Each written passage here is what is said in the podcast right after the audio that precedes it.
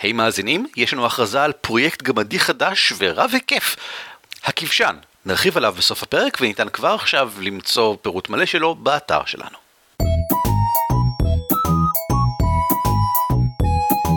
על כתפי גמדים. פודקאסט ישראלי על משחקי תפקידים.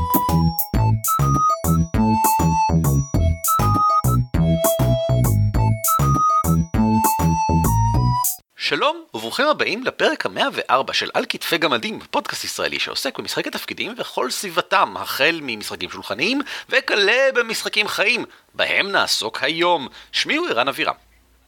נעים מאוד, אני אורי ליפשיץ. והפעם יש איתנו אורחת, אנא הציגי את עצמך. שלום, קוראים לי אורטל טל. אני עובדת בקרן השפע, אני התחרתי בהנחיה אולימפית, הגעתי למקום שני בהנחיה אמיתית ולמקום שלישי בהנחיה אולימפית אה, באייקון. אני, אני שמח מנחה... לראות שההנחיה האולימפית הפך למשהו שאנשים אה, מתחילים בלהציג את עצמם באמצעותו.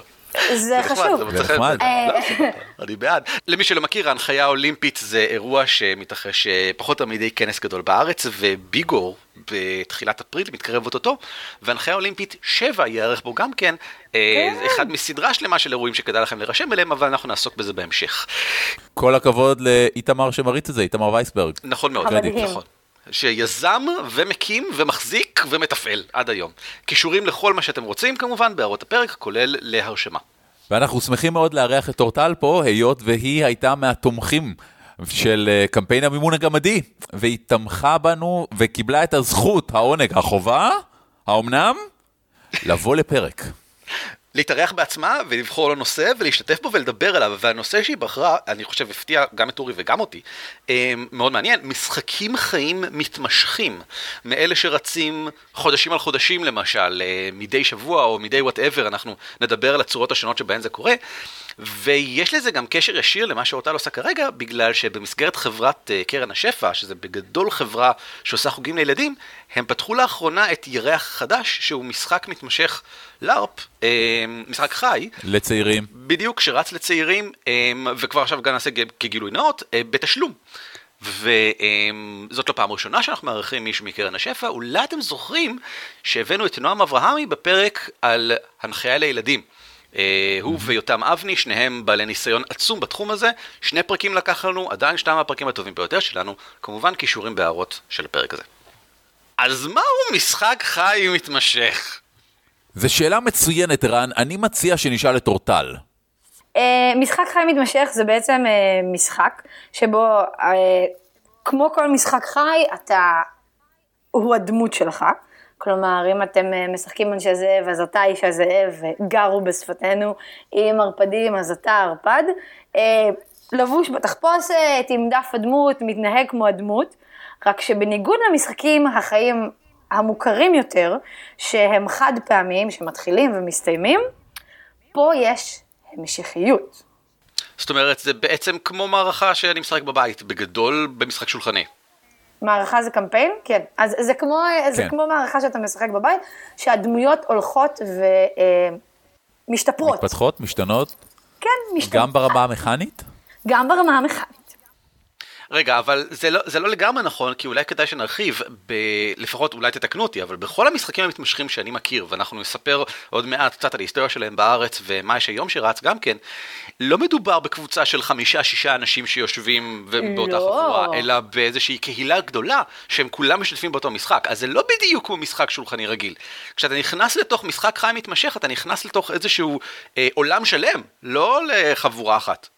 נכון, אבל אה, טוב, אז אני אחזור אחורה, כי איכשהו בתור אה, לרפיסטית, אני תמיד מניחה שכשאני מדברת על משחק חי, אז כולם יודעים על מה אני מדברת. אז כן, משחקים חיים דורשים כמות גדולה של אנשים. אתה לא יכול להריץ משחק חי עם חמישה אנשים, בדרך כלל קוראים לזה מיני, אוקיי? וזה דורש המון המון עבודה מצד המנחה. בדרך כלל משחקים חיים, אה, במיוחד אלה שאני מדברת עליהם, הם במינימום של 30 שחקנים. ויכולים להגיע גם לכמה מאות. כלומר, כמות האנשים מעניין. היא מאוד מאוד גדולה, שזה גם מה שמשפיע דרך אגב על החוויה המשחקית, אבל אנחנו בטח נגיע לזה מאוחר יותר.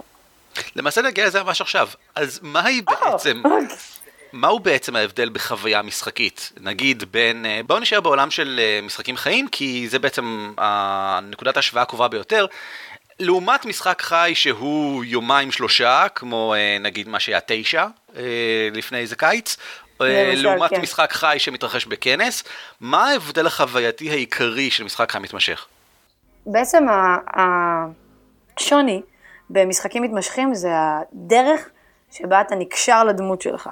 אוקיי? אם ניקח לדוגמה משחקים חד פעמיים, אתה מתחיל לשחק את הדמות, עוברים של... יומיים, שלושה, שבוע במשחקים מסוימים, uh, ואז uh, זהו, נגמר. Uh, נשאר לך זיכרון יפה, אבל זהו. במשחק חי, קודם כל, הכניסה לדמות, בגלל שאתה מתלבש כמו הדמות, ואתה הולך כמו הדמות, ואתה מדבר כמו הדמות, החוויה, חוויית הכניסה לדמות, אה, יש שיגידו היא הרבה יותר פשוטה. במשחק חי מתמשך, הדמות כבר הופכת להיות חלק ממך. כי זה לא שלושה ימים, זה שנים. אה, הריצה היא הלבנה, אה, שאנחנו נדבר עליו קצת יותר מאוחר, הוא משחק שהתמשך שש שנים. זה מגיע לרמה שאתה יכול בשבריר שנייה להפוך להיות הדמות שלך. זו חוויה כל כך אינטנסיבית וכל כך עוטפת, שנורא נורא קשה לנסח את זה במילים, אני חושבת, למי שלא חווה את זה בעצמו. אבל אין ספק שמי שאוהב משחקים חיים, זה, זה פשוט, זה מדהים. כי אתה רואה איך הדמות שלך גדלה ומתפתחת, כמו שאתה רואה אה, במערכה שולחנית, אבל אתה הרבה יותר מחובר אליה, כי אתה היא. אתה הרי משחק אותה לא כשאתה יושב מסביב לשולחן, אתה הולך כמוה ואתה מדבר כמוה, אז ההתפתחות שלה מאוד משפיעה על ההתפתחות שלך.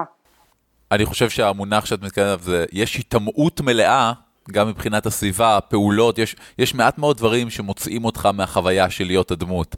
בניגוד למשחק שולחני, שבו יש כל כך הרבה דברים שלוקחים אותך לכיוונים אחרים. Mm-hmm. כן, אני, כן אני, אני מסכימה, גם ה, בכללי משחקים חיים, אה, ההיטמעות בהם לדעתי היא מאוד, אה, היא הרבה יותר חדה. יש מעט מאוד דברים שמוציאים אותך לאוף פליי במשחקים חיים. כי כולם מסביב באין פליי. זה לא שמישהו משחק בטלפון ומישהו מזמין פיצה ומישהו בודק בספר חוקים. אה, כדי לצאת לאוף פליי, אתה ממש צריך... אין מישהו שמזמין פיצה? לא, אני לא מניח שאפשר לשחק את זה. אם מזמינים את זה, אז מזמינים את זה באינפליי. אני אספר לך אחר כך על טקס הפיצה של אנשי הזאב, ואתה תבין. אז אם אתה מזמין את זה, אתה מזמין את זה כדמות, כדמות שלך. אני מנסה לחשוב רק מה התוספות של... ואיך... פפרוני בעיקר, כן. כן. אז נראה שהקטע העיקרי של המשחק המתמשך אה, זה העובדה שהוא מתמשך. זאת אומרת, אתה יכול להיכנס לתוך הדמות באופן כל כך מיוחד, פשוט בגלל שאתה משחק אותה לאורך כל כך הרבה זמן.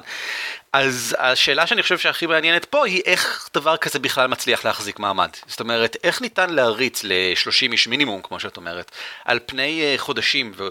ועל פני כל כך הרבה זמן, ובמיוחד איך מייצרים המשכיות בהתחשב בכך שלרוב אין מנחה אחד שיוצר קו עלילה. כמו בלארפ אה, חד פעמי, אה, בדרך כלל יש כמה מנחים אה, שעובדים ביחד. ובתקופה ממושכת בכלל גם ייתכן כמובן שמנחים עוזבים ומנחים אחרים באים במקומם. אז מהו המנגנון הבסיסי שמחזיק כזה דבר?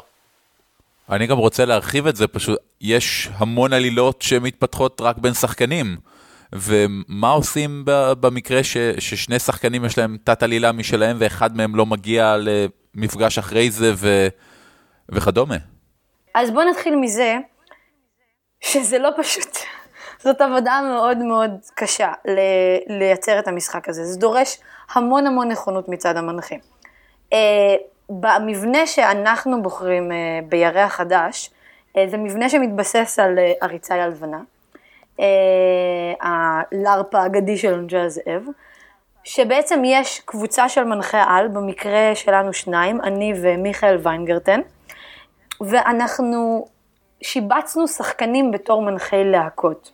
שחקנים שהם חלק מהמשחק, והם מנחים, אבל כמובן לא ללהקה שלהם, אלא ללהקה אחרת. מה שאנחנו עושים, וזה לדעתי הדבר הכי קריטי במשחק הזה, זה תיאום ציפיות, תיאום ציפיות, תיאום ציפיות. Uh, אתם תמיד אומרים, ש... ואני מסכימה עם זה לחלוטין, שכשמנחה יושב עם השחקנים, אה, אז אם יש לך בעיה עם מישהו, אז צריך לתאם ציפיות ולדבר על זה. אז אנחנו משתדלים על מנת למנוע בעיות מראש, אה, וגם אחרי שראינו בעצמנו בתור שחקנים במשחקים מתמשכים איזה בעיות עלולות להיווצר, אנחנו משתדלים בעצמנו להיות מאוד מאוד מתואמים. אני אתן דוגמה ברשותכם. אנחנו רוצים לעשות שינויים בשיטה. יש uh, אצלנו איזושהי טכניקה של היאבקות, ממש כמו בפטפיינדר, ואנחנו רוצים טכניקה להחליט... טכניקה של היאבקות. היאבקות, כן, בין אנשי זאב, שאחד מצמיד את השני לרצפה. אוקיי. Uh, ואנחנו רוצים להחליט אם היא עושה או לא עושה נזק. אז מיכאל ואני uh, יושבים ביחד על איזה ופל בלגי, ודנים בינינו, ומחליטים ביחד על מה אנחנו רוצים uh, שזה יקרה. ואז אחר כך, כשמישהו בא ושואל אותנו שאלה, אז אנחנו מסונכרנים בינינו. כשמנחה להקתי רוצה להריץ סשן, uh, אז יש לנו uh, כללים uh, ברורים שכתבנו להם ושלחנו להם מראש, נקודות שיעזרו להם, כי הסשנים משתנים וכל פעם הם עושים משהו אחר, נקודות כלליות. אז הם כותבים את הסשן, שולחים לנו לאישור, אנחנו מסתכלים על זה, מתקנים את הדברים, הם מכווינים אותם, כי אצלנו השחקנים הם צעירים יותר גם, הם מכווינים אותם יותר לכיוונים שאנחנו רוצים, שאנחנו חושבים שיתאימו לעולם המשחק שלנו, ואז אנחנו מאשרים להם את הסשן. מי זה לנו? זה קבוצת המנחים בעצם? כן, לי ולמיכאל.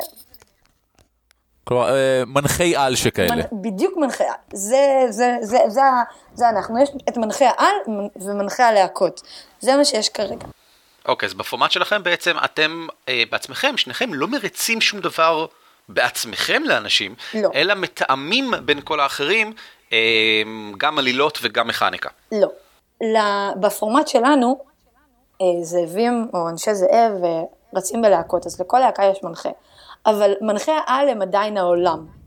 ואנחנו חושפים אותו לפניהם בצורה מאוד מאוד איטית, אה, ומהווים את כל העולם מסביב. כרגע כל הנאפסים, כל הדב"שים, סליחה, mm-hmm. מגולמים במיילים על ידינו, ובמשחקים חיים על ידינו או על ידי שחקנים שאנחנו מביאים מבחוץ.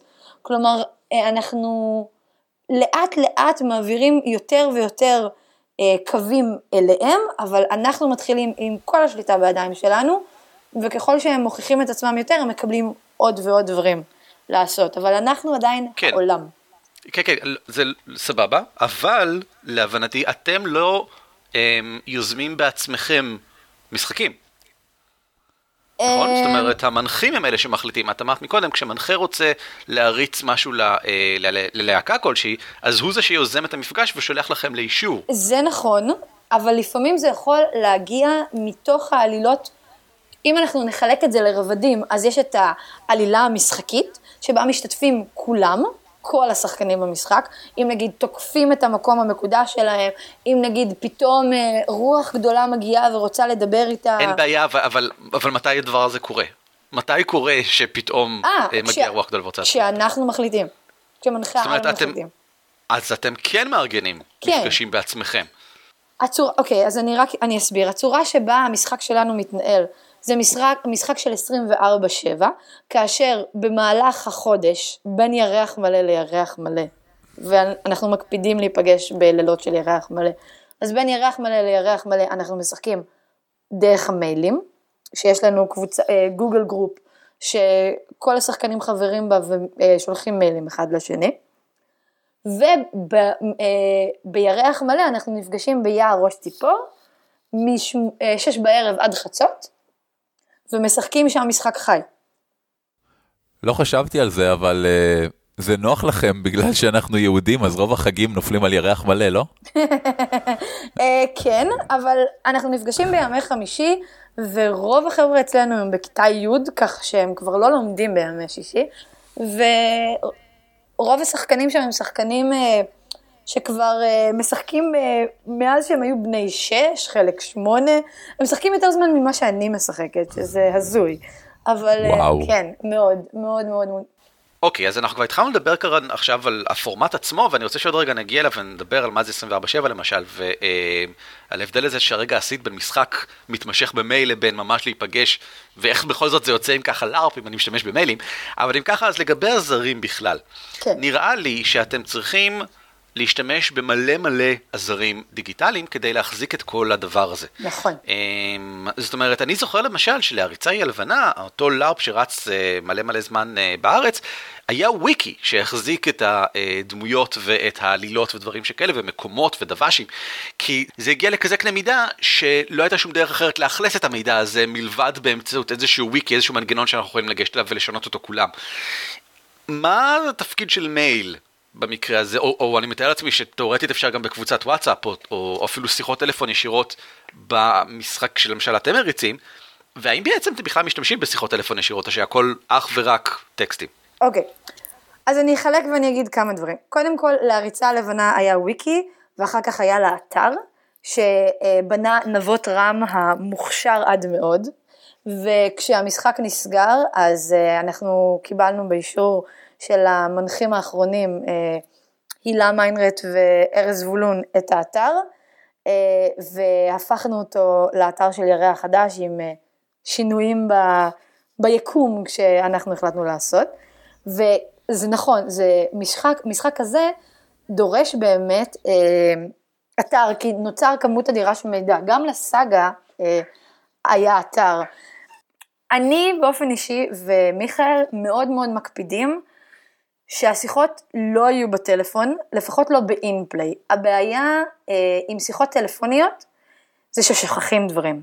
כשדברים לא מתועדים, שזה לא כתוב מי אמר, מתי ולאיפה ובאיזה הקשר, זה מתבלגן באמת. אתה דיברת עם מישהו לפני חודשיים והוא אמר לך שקרה משהו וקרה משהו אחר, ואז אתה בא ואתה בטוח שזה מה שקרה, זה מתבלגן. אנחנו מאוד מאוד מאוד מקפידים שהכל יהיה כתוב במיילים.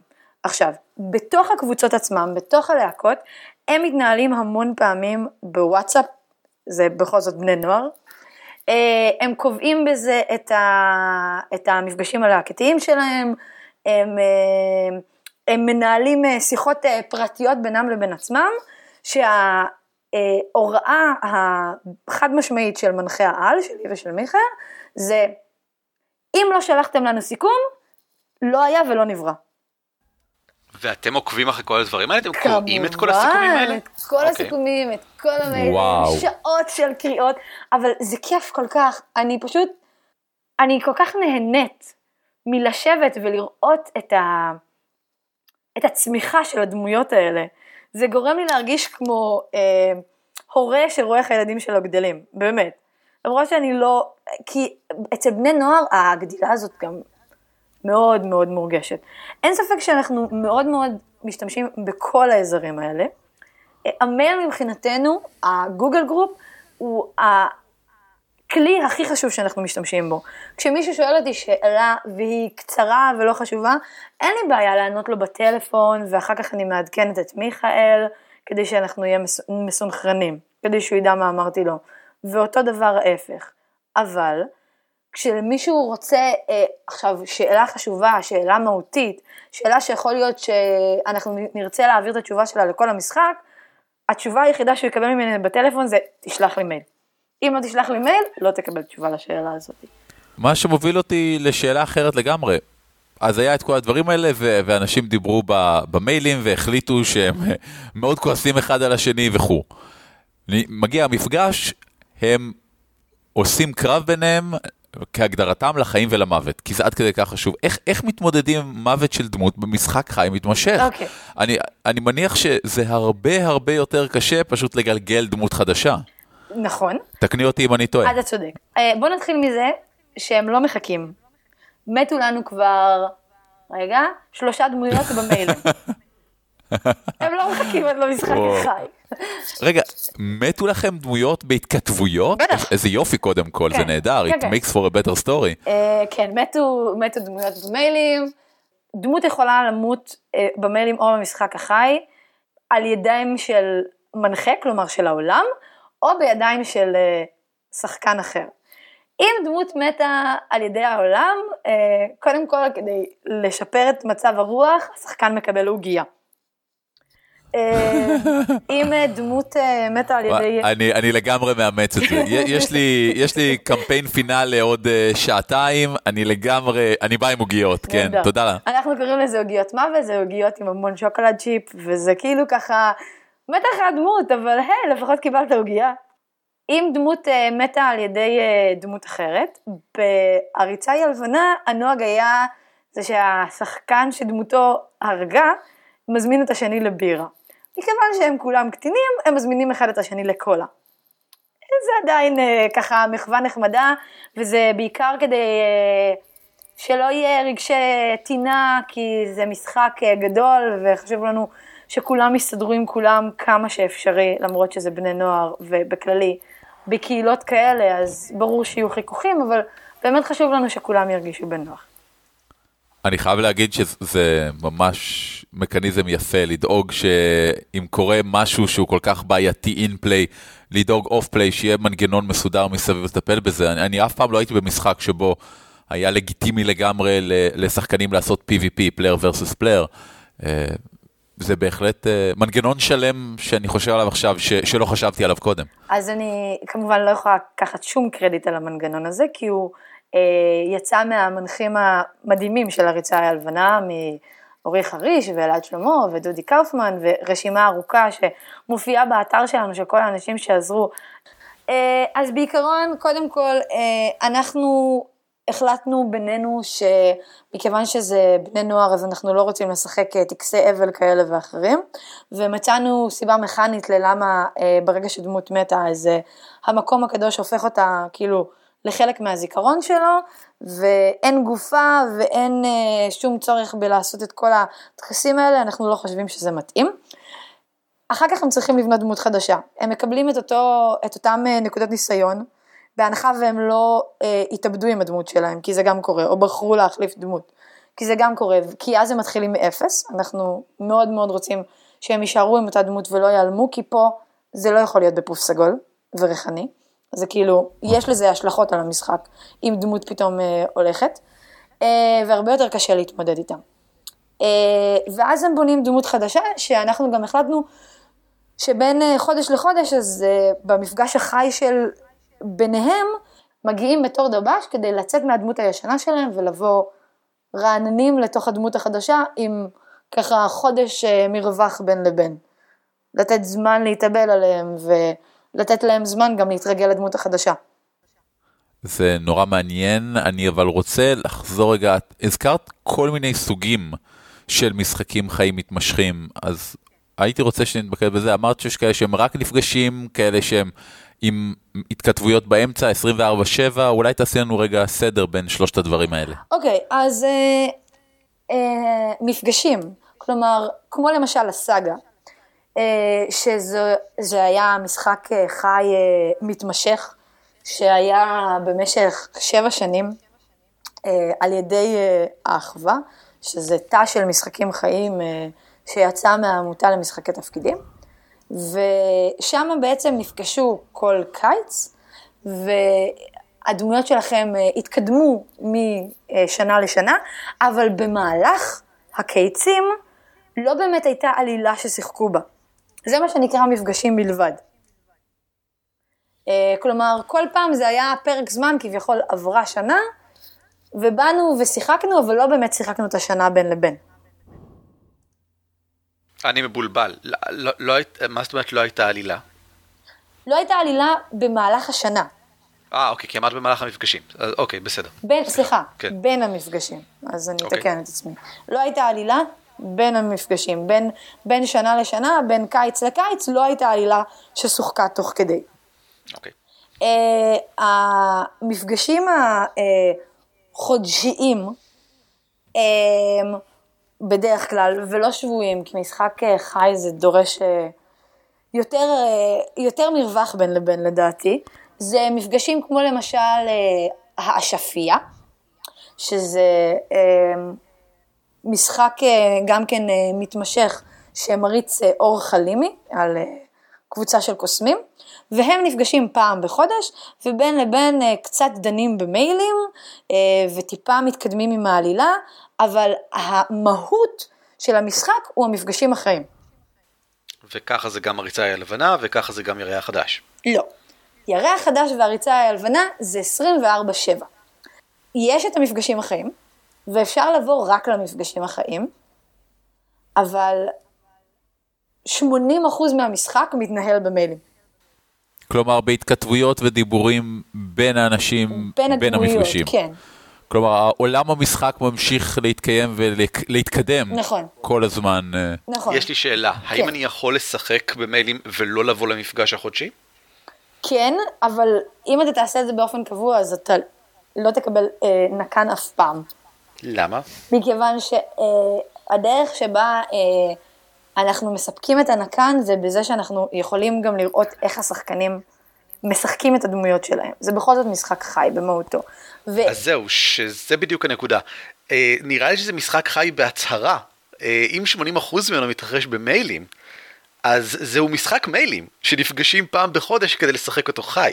ובאמת העובדה שאתם מתעקשים על ה, אה, דווקא המפגשים החיים בתור העיקר שלו, ולכן אני צריך להגיע אליהם, זה סבבה וזה נהדר, אני חושב שאין שום בעיה עם זה כמובן. אבל אני מעלה בעיני רוחי משחק שמאוד דומה למשחק שאתם מריצים, אבל הוא נקרא משחק מיילים. ובו אם אתה לא משתתף לפחות פעם בשבוע במייל, אתה לא תקבל נקן, ואתה לא חייב לבוא למפגש השבוע, החודשי אם אתה לא רוצה.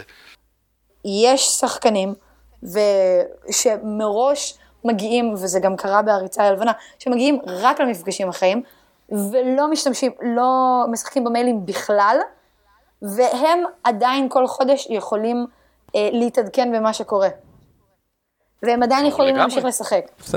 ערן. ברור שאפשר לקחת את המנגנון הקיים ולעוות אותו ל- לעשות את מה שאתה רוצה.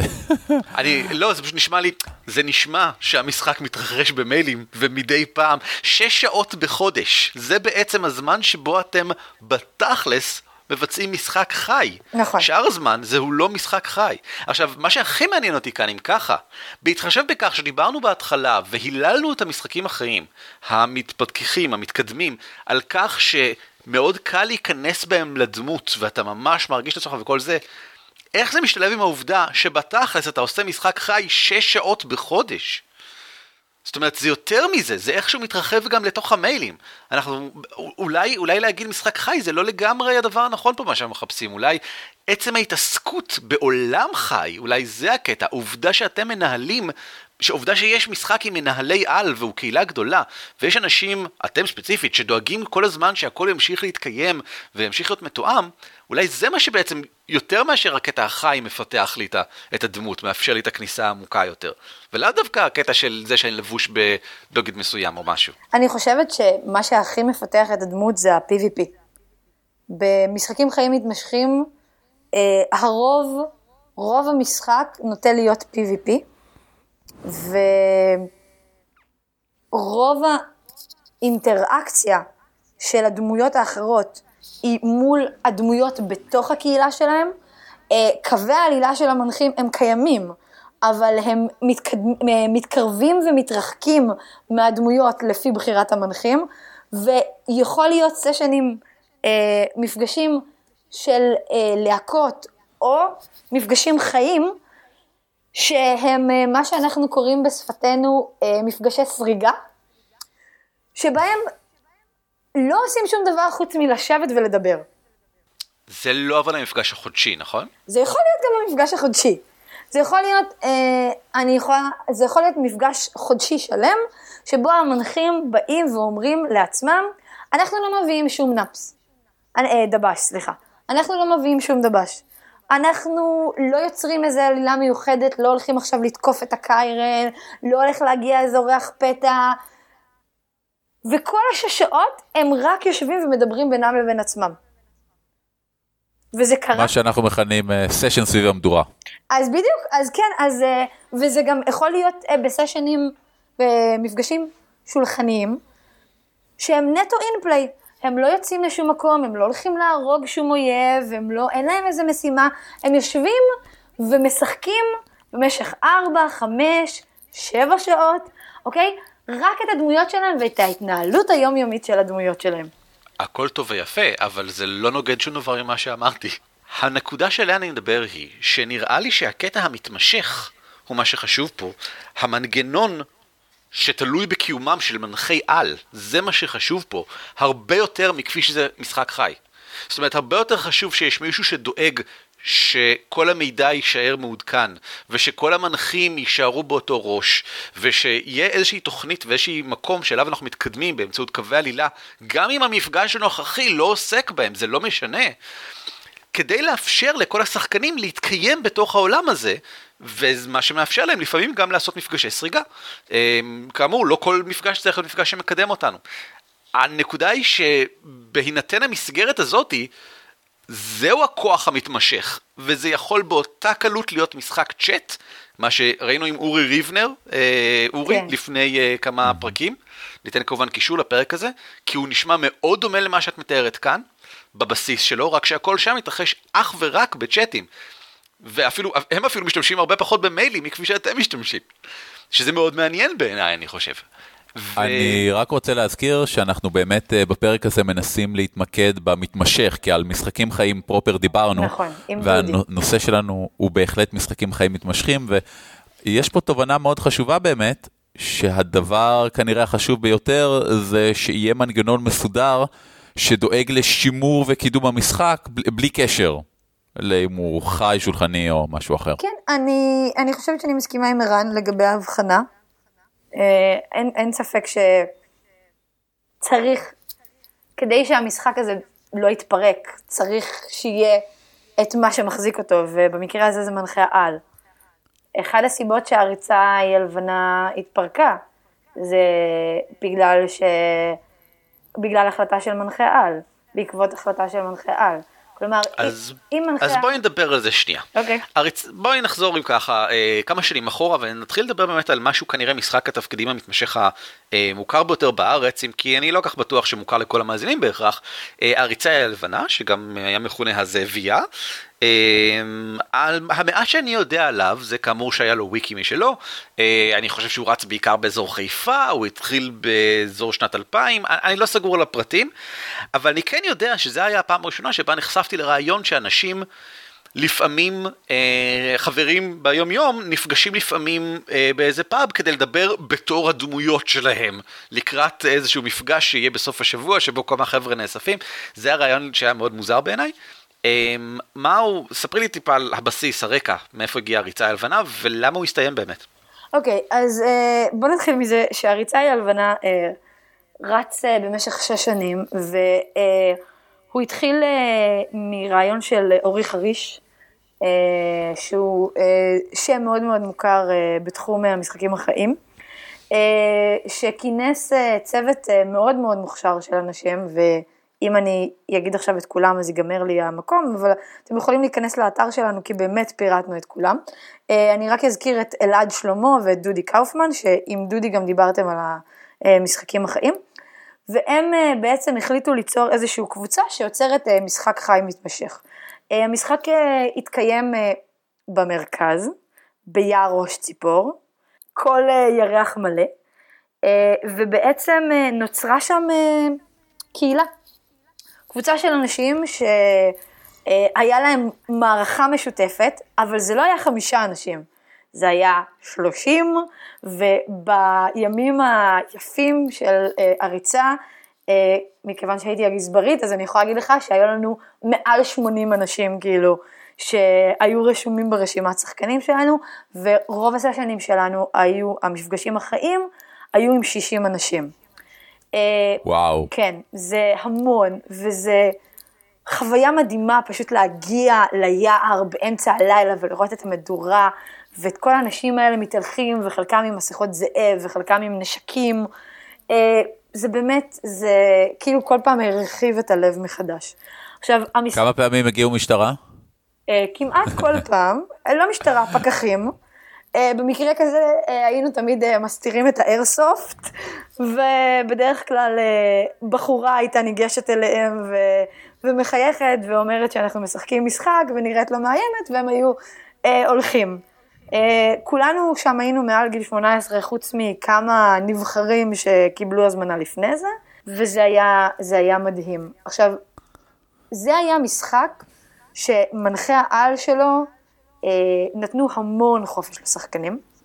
זה גם שחקנים מאוד מאוד מנוסים ברובם, אה, והמשחק הזה לאט לאט אה, קיבל תוכן ועולם שהשחקנים יצקו לתוכו, כמו שעושים במיקרוסקופ או ב-The One Year או בכל תהליך של יצירת עולם, רק בחי.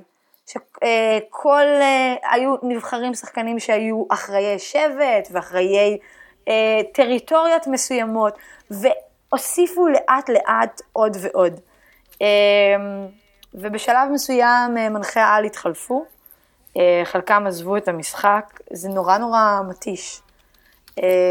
וזאת לא הייתה העבודה שלהם, בניגוד למה שאנחנו עושים עכשיו. זה היה בהתנדבות, ואני יכולה להגיד, מהניסיון המאוד מועט שלי, ירח חדש רץ רק חצי שנה, זה שזה צורך זמן בצורה מטורפת, באמת. והתחתנו ונולדו ילדים והזמן שלך הולך ו... ואוזל, והגיעו שני מנחים חדשים ומאוד מאוד מוכשרים, ארז זבולון והילה מיינרט, שגם uh, עזרה לכם בצריח הברקת והיא מדהימה. ואחרי uh, בערך uh, חצי שנה, המנחים הרגישו שזה זמן טוב לסיים את המשחק. Uh, והמשחק הסתיים uh, בסשן אחרון, ואחר כך... אחר כך גם בעוד אה, על האש שהגיעו אנשים מכל השש שנים, ואנחנו הרגשנו שזה לא מספיק לנו. אני, אני, לפני שאנחנו נמשיך לדבר על זה, ברור לי שאת יכולה לדבר עוד אה, שעות, ימים, שבועות רציתי, על הריצה לא, הלבנה. לא, זהו, וכו'. רציתי להתחיל לדבר על ירח חדש ועל איך שהרעיון הגיע מתוך זה שהגענו לזה, הגענו בעצם להסכמה שזה לא מספיק לנו, ושאנחנו רוצים להעביר את החוויה הזאת הלאה. ואז אה, נועם אברהמי, שהוא הבעלים של קרן השפע, ומיכאל ואני, אה, שכולנו היינו שחקנים במשחק, וגם שיחקנו באותה להקה ביחד, אז מיכאל הפך להיות המנחה שלנו, אמרנו, אנחנו רוצים לעשות את זה, אבל אנחנו רוצים לעשות את זה לבני נוער. כי הדברים שמשחק חי מתמשך מעבירים אותך, הדרך שבה הדמות שלך מתפתחת וכמה שאתה חווה כשחקן זה, זה פשוט, אה, זה ברמה אחרת מחוג אה, מבוכים ודרקונים. אה, גם אם עושים את זה פעם בשבוע, שלוש שעות, אני מדברת על השחקנים הבוגרים שלנו, זה רמה אחרת ורצינו שהם בעצם יהפכו להיות, השחקנים האלה שמצטרפים למשחק הזה, יהפכו להיות חלק מה...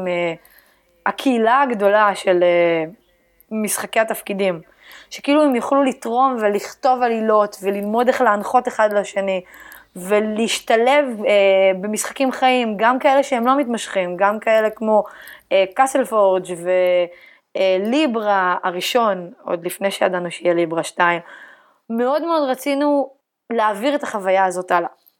ושם התחיל הרעיון של ירח חדש.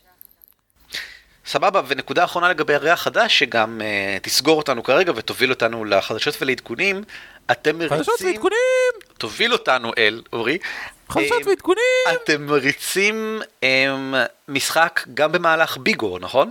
כן, uh, ביום uh, השני של ביגור, uh, שזה יוצא יום שני, השישי לאפריל, בין 6 ל-10 אנחנו הולכים לעשות משחק חי פתוח, הוא כמובן בתשלום, אבל הוא פתוח גם למי שלא מכיר את העולם.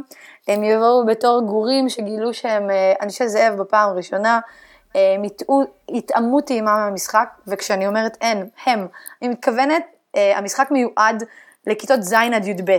אם אתם צעירים מדי, חכו עוד שנה, אם אתם בוגרים מדי, אה, מצטערת. אבל זה הגילאים, ואנחנו מאוד מאוד רוצים להגדיל את המשחק הזה. כרגע אנחנו על 35 שחקנים, אה, שזה אחלה, אבל זה לא מספיק. אה, ואנחנו מאוד מאוד רוצים להגדיל את זה, אנחנו מביאים את זה ככה שיהיה אפשרות לטעום גם בלי להגיע ליער באמצע הלילה, ואנחנו מאוד מאוד מקווים שאנשים אה, יגיעו. גם אנחנו נהיה בביגור, אבל זה יהיה בחדשות ועדכונים. שזה, שזה ממש עכשיו. אוקיי, אז יש לנו כמה דברים. דבר ראשון, אה, ממש ברגעים שבהם אנחנו מקליטים כרגע את הפרק, עלתה הרשימה הראשונה של אירועים לאתר ביגור. Oh my god. אז אתם מוזמנים להיכנס ולבדוק, כמובן שאנחנו ניתן קישור מהאתר שלנו, זוהי רשימה ראשונה, אה, ייתכן שברגע שאתם שומעים את הפרק היא כבר התעדכנה באירועים נוספים, אה, כי היא הולכת ומתעדכנת. ביגור עצמו מתרחש בתחילת חודש אפריל ברמת גן, כאמור יהיה בו אירוע של אה, ירח חדש ושני אירועים של הגמדים. אה, אנחנו נרחיב... שעדיין לא. נמצאים שם ברשימה. בסדר, זו רק רשימה ראשונה כאמור, אמ, ואנחנו נרחיב עליהם כשנתקרב, כמו שהבטחנו גם בפרקים הקודמים, אה, ישנו לפחות מתנה עסיסית אחת, אני מקווה שתמצא חן בעיניכם. דבר שני, עוד הרבה לפני כן, למעשה... ממש יום אחרי שעולה הפרק, אז אני לא יודע אם תספיקו, אם זה- אם תספיקו להגיע לזה, ביום הבחירות עצמו, יום שלישי, נערך אה, כנס יומי של הקהילה החופשית בכפר סבא, שכמובן נערך בכפר סבא, בבית הספר אורות שפירא. אה, לצעירים, למבוגרים, גם יחד, אה, אנחנו ניתן קישור לפרטים ולהרשמה באתר של הכנס הזה. כל הכבוד להם, אתה יודע, הם עושים דברים יפים. כן, כן, הם, אה, הם בהחלט סבבה. מעבר לכך, אנחנו פרסמנו כמה קיקסטארטרים מעניינים בזמן האחרון, אבל אני לא אחזור עליהם כאן, כי אם זה מעניין אתכם, אתם מוזמנים פשוט לעקוב אחרי עמוד הפייסבוק, הטוויטר או הגוגל פלוס שלנו, או להירשם לניוזלטר שלנו. אה, הקישור נמצא בכל עמוד באתר שלנו, פחות או יותר, בצד שמאל, להרשמה לניוזלטר, ואפשר לעשות זה גם מתוך עמוד הפייסבוק שלנו, כדי לקבל פעם בשבועיים עדכון עם כל הכישורים וכל הדברים, כולם. אה, שבועיים אמור להיות די ויותר זמן בשביל כל קיקסטארטר מבוצע, כי בדרך כלל זה לוקח איזשהו אה, חודש. זה נכון, ואני קניתי בקיקסטארטר האחרון שלנו 24 עפרונות. כן, כן, זה, זה נכון.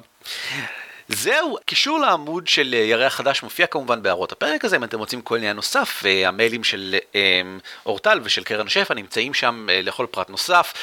אם מצא חן בעיניכם מה שאתם שמעתם בפרק הזה, או בפרקים קודמים, או בפרקים עתידיים, אם אתם באים מהעתיד, אנא תנו תגובות באייטיונס, אה, זה מאוד עוזר לנו, אנא הפיצו אותנו בפייסבוק או בטוויטר או בכל אמצעי אחר, זה עוזר לנו להגיע לקהל נוסף, ואם אתם חושבים שאנחנו עושים עבודה טובה, אז כנראה שאתם רוצים שאחרים יקשיבו לנו, אנחנו בהחלט מעוניינים בזה גם כן.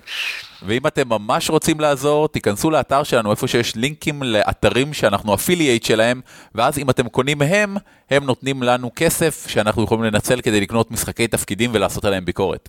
זה נכון מאוד. בנוסף, יש לנו מייל, גמדים את roleplay.co.il, שלחו לנו בכל עניין שהוא. אמ, וזה הכל. זה ממש לא הכל. עלינו להוסיף משהו חשוב מאוד שהתווסף לאחר הקלטת הפרק. אנחנו מאוד שמחים להכריז על הכבשן, פרויקט גמדי לעידוד יוזמה בתחום התוכן בעברית, שמיועד למי שמעוניין לפתח ולהוציא לאור כל תוכן משחקי חדש, או תרגום לעברית של משחק קיים. הדוגמה הטובה ביותר כמובן היא ואנור, תרגום של שיטת Dungeon World המצוינת, שכולל גם תוכן מקורי בעברית של אייסל. אבל זה רק מוצר אחד, ויכולים להיות עוד הרבה הרבה מוצרים אחרים. פתחנו עמוד חדש באתר שמפרט באופן מלא את מהו הכבשן, ומה אנחנו בדיוק מעוניינים להעלות דרכו, ובאיזה אופן אנחנו יכולים לתמוך. התמיכה כוללת 2,250 ש"ח לתקציב, ותמיכה בצורת אה, ייעוץ ועזרה מאורי, מאביב וממני. לאורך כל הפרויקט שצפוי לקחת כשנה, אנחנו מניחים שמדובר פה בפרויקט רציני, ואנחנו מניחים שאנחנו נקבל מכם הצעות רציניות. רק כדי להבהיר, כשאנחנו אומרים רציני, אנחנו לא מתכוונים בהכרח ל-350 עמודים של אה, טקסט אה, צפוף שהוא כולו שיטה חדשה ומדהימה. כל פרויקט, קטן ככל שיהיה, אפילו אם זהו רק מסמך של 20 עמודים עם איזושהי ארץ מגניבה שיצרתם לאיזושהי שיטה קיימת או ללא שיטה בכלל, גם מוצר כזה יכול לקחת הרבה מאוד זמן, בגלל שהמטרה שלנו היא לא לכתוב מלא בהכרח, אלא לשייף אותו לכדי מוצר ראוי לשמו ברמה גבוהה, כדי שיצא מוצר שכולנו נוכל להתגאות בו, משהו שאנשים, מאות אנשים, אה, אולי אפילו יותר, יוכלו ליהנות ממנו, וזה דורש יצירת מוצר ברמה גבוהה. אנחנו נעזור בשלבי הפרסום, וגם הרבה מעבר לכך. התאריך האחרון להגשת פרויקטים עבור הכבשן הוא הראשון במאי, ובמהלך ביגו אנחנו נערוך סדנה בתחילת היום הראשון, שמיועדת למי שיש לו רק רעיון כללי מאוד, ותוהה האם הוא מעוניין להגיש אותו לכבשן, האם זה רציני מספיק, האם יש לזה פוטנציאל, בואו ואנחנו נהפוך את זה להגשה שראויה לשמה, אה, אם כי כמובן השתתפות בסדנה לא מבטיחה שנבחר את הרעיון שלכם עבור הכבשן. זהו, נחזיר אתכם עכשיו לסוף הפרק. תודה רבה לך אורטל שהשתתפת ושהצעת את הרעיון ושהשקעת את ההשקעה המקורית אה, בתמורה לפני אי אז באוקטובר או מתי שזה לא היה 2014 אה, ותודה רבה לך אורי על כך שאתה גבוה. אני עובד על זה שעות רבות, תודה רבה ששמת לב, ערן. בבקשה, בבקשה. אה, תודה רבה לכם, אני חושבת שאתם הפודקאסט הכי טוב שאני שומעת. מבין האחד היחיד שעוסק במשחקי תפקידים בארץ, אנחנו ללא ספק המובחרים ביותר. אבל בכללי. הכי מוצלח. בסדר גמור. או, את צריכה לשמוע יותר פודקאסטים. להתראות. להתראות. על כתפי גמדים משותף ברישיון שיתוף ייחוס זהה Creative Commons 3. המייל שלנו הוא גמדים את roleplay.co.il והאתר שלנו בדוורבס.org.il. ניתן למצוא אותנו גם בטוויטר, פייסבוק וגוגל פלוס.